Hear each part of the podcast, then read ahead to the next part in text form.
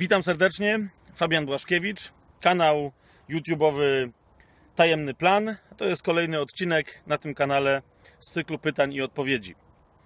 Bartek Wysowski przesłał nam pytanie, skąd założenie, że jeden fragment Biblii, którym posługujemy się z jakiegoś tam powodu, powinien być wsparty dwoma lub trzema lub, no powiedziałbym, jeszcze większą ilością innych. Otóż wyjdźmy od y, najpierw samych podstawowych, najoczywistszych założeń, co to jest Biblia. Biblia nie jest zestawem historycznie przez jakichś tam ludzi arbitralnie wybranych książek, które są fajne, ale Biblia to jest zbiór ksiąg określonej ich liczby, ksiąg kanonicznych, które stanowią kilkadziesiąt rozdziałów jednej wielkiej księgi. To jest Biblia. I teraz poszczególne te rozdziały, czyli księgi Biblii, były napisane przez rozmaitych autorów ludzkich, ale de facto tę jedną wielką księgę napisał jeden wielki autor, czyli Bóg, który tych poszczególnych ludzi w historii do napisania rozmaitych rzeczy natchnął. Teraz, pisząc tę księgę, prawdopodobnie znając nasz sposób tworzenia sobie ideologii, potem psucia mądrości itd., itd., itd., Bóg postanowił, zamiast opisywać te rzeczy, które chce nam przekazać pod postacią poszczególnych rozdziałów, tu wam daję instrukcję do zrobienia jednej rzeczy, tam wam daje instrukcję do zrobienia innej rzeczy, tu wam przekazuje doktrynę na to, a tam e, prawdę o czymś. Bóg przede wszystkim wybrał formę opowieści. Nawet jeżeli w Biblii się pojawiają e, kwestie mądrościowe, doktrynalne, to one zawsze pojawiają się w kontekście jakiejś opowieści. Jezus, który o sobie powiedział: Kto mnie widzi, widzi też i Ojca, a więc który był objawieniem Boga tutaj e, na ziemi, pełnym takiego, jakiego dokładnie potrzebowaliśmy. E, sam nic nie napisał, prawdopodobnie właśnie dlatego. Tak? Nie zostawił po sobie żadnej księgi, żeby ona nie została uznana za bardziej świętą niż, bo on to własnoręcznie napisał. Żył, jego życie miało swoją historię i w ramach tej historii przekazywał nam bardzo konkretne prawdy, czy też prostował to, co kiedyś zostało źle zrozumiane i tak dalej, i tak. A zatem Biblia nie ma w sobie żadnego jednego rozdziału, który by, nie wiem, był poświęcony tematowi chrztu, innego rozdziału, który by opowiadał całościowo i komplementarnie i wyczerpująco na temat zbawienia i jeszcze innego i tak dalej. Także dlatego, żeby, jak mawia Chuck Missler, specjalista od Biblii, ale też niegdyś od wywiadu i kontrwywiadu cybernetycznego Stanów Zjednoczonych, y, to jest, to jest klasyczny sposób, który ma zapobiec atakowi wroga. Gdyby wszystkie prawdy na jakiś tam konkretny temat znajdowały się w jednym miejscu, wróg mógłby je, to jedno konkretne miejsce zakwestionować, albo po prostu mógłby je wyciąć z Biblii, mógłby walczyć z jednym konkretnym miejscem, żebyśmy jakiejś prawdy nie znali.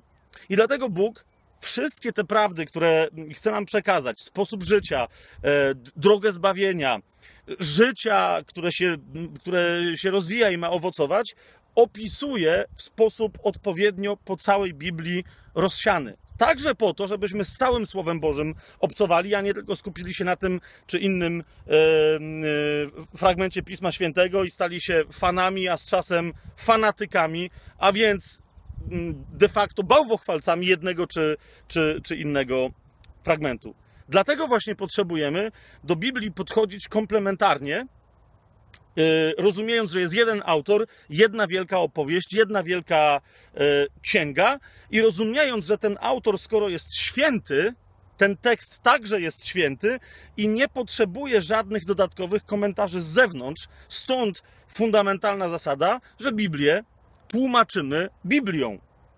Nie okolicznościami historycznymi, tym, że ktoś coś wykopał, e, archeologicznie coś stwierdził albo nie, Biblię tłumaczymy Biblią, ponieważ ona jest wewnętrznie spójna. Jeżeli ktoś chciałby wyjąć z Biblii jakiś fragment i na tej podstawie zacząć budować swoją doktrynę, to właśnie dlatego posiadamy inne fragmenty w Biblii, które y, pozwalają nam fałszywe y, doktryny natychmiast zlokalizować i natychmiast oczyścić, usunąć y, z chrześcijańskiego wyznania.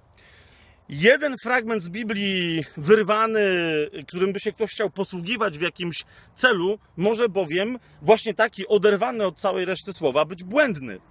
Sam Pan Jezus e, wyraźnie w swojej praktyce, e, praktyce rozmowy z faryzeuszami, e, z uczonymi w piśmie, a nawet w trakcie swojej rozmowy z szatanem, który też go atakował przy pomocy wyrwanych z kontekstu fragmentów Pisma Świętego, Jezus właśnie taką metodą się posługuje. Ktoś do niego przychodził i mówił, w piśmie jest napisane, a Jezus odpowiadał tak, lecz jest także napisane, że i że. I dopiero w, w tym e, szerokim układzie tych wszystkich fragmentów odnoszących się do tego jednego konkretnego zagadnienia możemy e, e, to, ten fragment, którym się posługujesz, rozumieć. Przychodzą do niego na przykład uczeni w piśmie i faryzeusze i mówią, e, że dlaczego ty mówisz, że nie może mężczyzna odesłać żony, skoro Mojżesz napisał, że może jej dać list rozwodowy. I Jezus powołuje się na Księgę Rodzaju, mówi od początku tak nie było, cytuje im fragment, inny pokazuje im cały kontekst, że mąż z żoną są jednym ciałem i powiada, Mojżesz uczynił to, co uczynił, dlatego, że byliście twardego karku. Zresztą e, pięcioksiąg pozostałe, jest wiele fragmentów, które wyraźnie o tym mówią, dlaczego, Jezu, dlaczego Mojżesz tego, tego rodzaju e, prawo Izraelitom przekazał, ale mówi, ja po to przychodzę, aby objawić wam pełnię, a pełnia jest traktowaniem Słowa Bożego e, w całości, a zatem nie, nie możecie tak interpretować tego jednego fragmentu. Mąż nie może odesłać żony tylko i wyłącznie przy pomocy listu rozwodowego, w ogóle nie może jej odesłać z wyjątkiem, jak powiada Pan Jezus, wszeteczeństwa. To jest jeden tylko y, z tego rodzaju przykładów. A zatem, jeżeli my w trakcie tajemnego planu, podczas zwłaszcza konferencji, kiedy się zajmujemy jakimś tam y, dużym zagadnieniem, chcemy udowodnić jakąś tezę, to właśnie nie idzie o to, że mamy jakąś tezę z zewnątrz i teraz szukamy w piśmie pasującego nam jednego czy drugiego fragmentu, ale czytamy całe słowo i rozważamy, co na ten temat całe słowo mówi. Stąd pokazujemy, że e, teza brzmi, ponieważ w Biblii jest potwierdzona właśnie tak wieloma z różnej strony do tej tezy podchodzącymi fragmentami. E,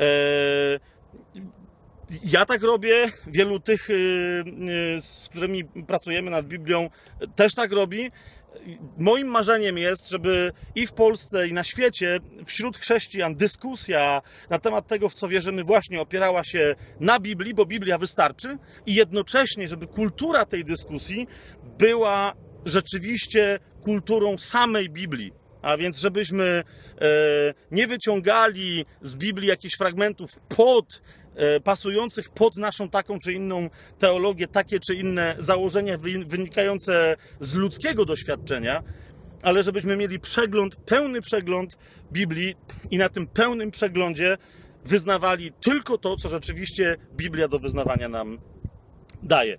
Dlatego powiedziałbym, e, Bartek, e, jeden, dwa czy trzy cytaty to wciąż jeszcze nie jest dość dużo. Te naprawdę istotne kwestie w Biblii są potwierdzone kilkunastoma czy kilkudziesięcioma potężnymi e, e, fragmentami, które odpowiednio e, te sprawy istotne dla naszego życia, dla naszego zbawienia naświetlają. Tyle na dzisiaj. Wielkie dzięki. A dla tych, którzy by się zastanawiali, bo czasem jeszcze takie ekstra pytania dostajemy, gdzie dzisiaj to kręcimy, to jest miejsce, gdzie polują pustułki. W Krakowie a właśnie, to dla tych, którzy nawet dla tych, którzy. Ci, którzy są z Krakowa, będą wiedzieli, dla innych niech to będzie dodatkowa zagadka. Przepiękne miejsce. Gdzie to jest? O, i to będzie jasna podpowiedź. Otóż właśnie. Otóż właśnie. Piękne dzięki. Do następnego.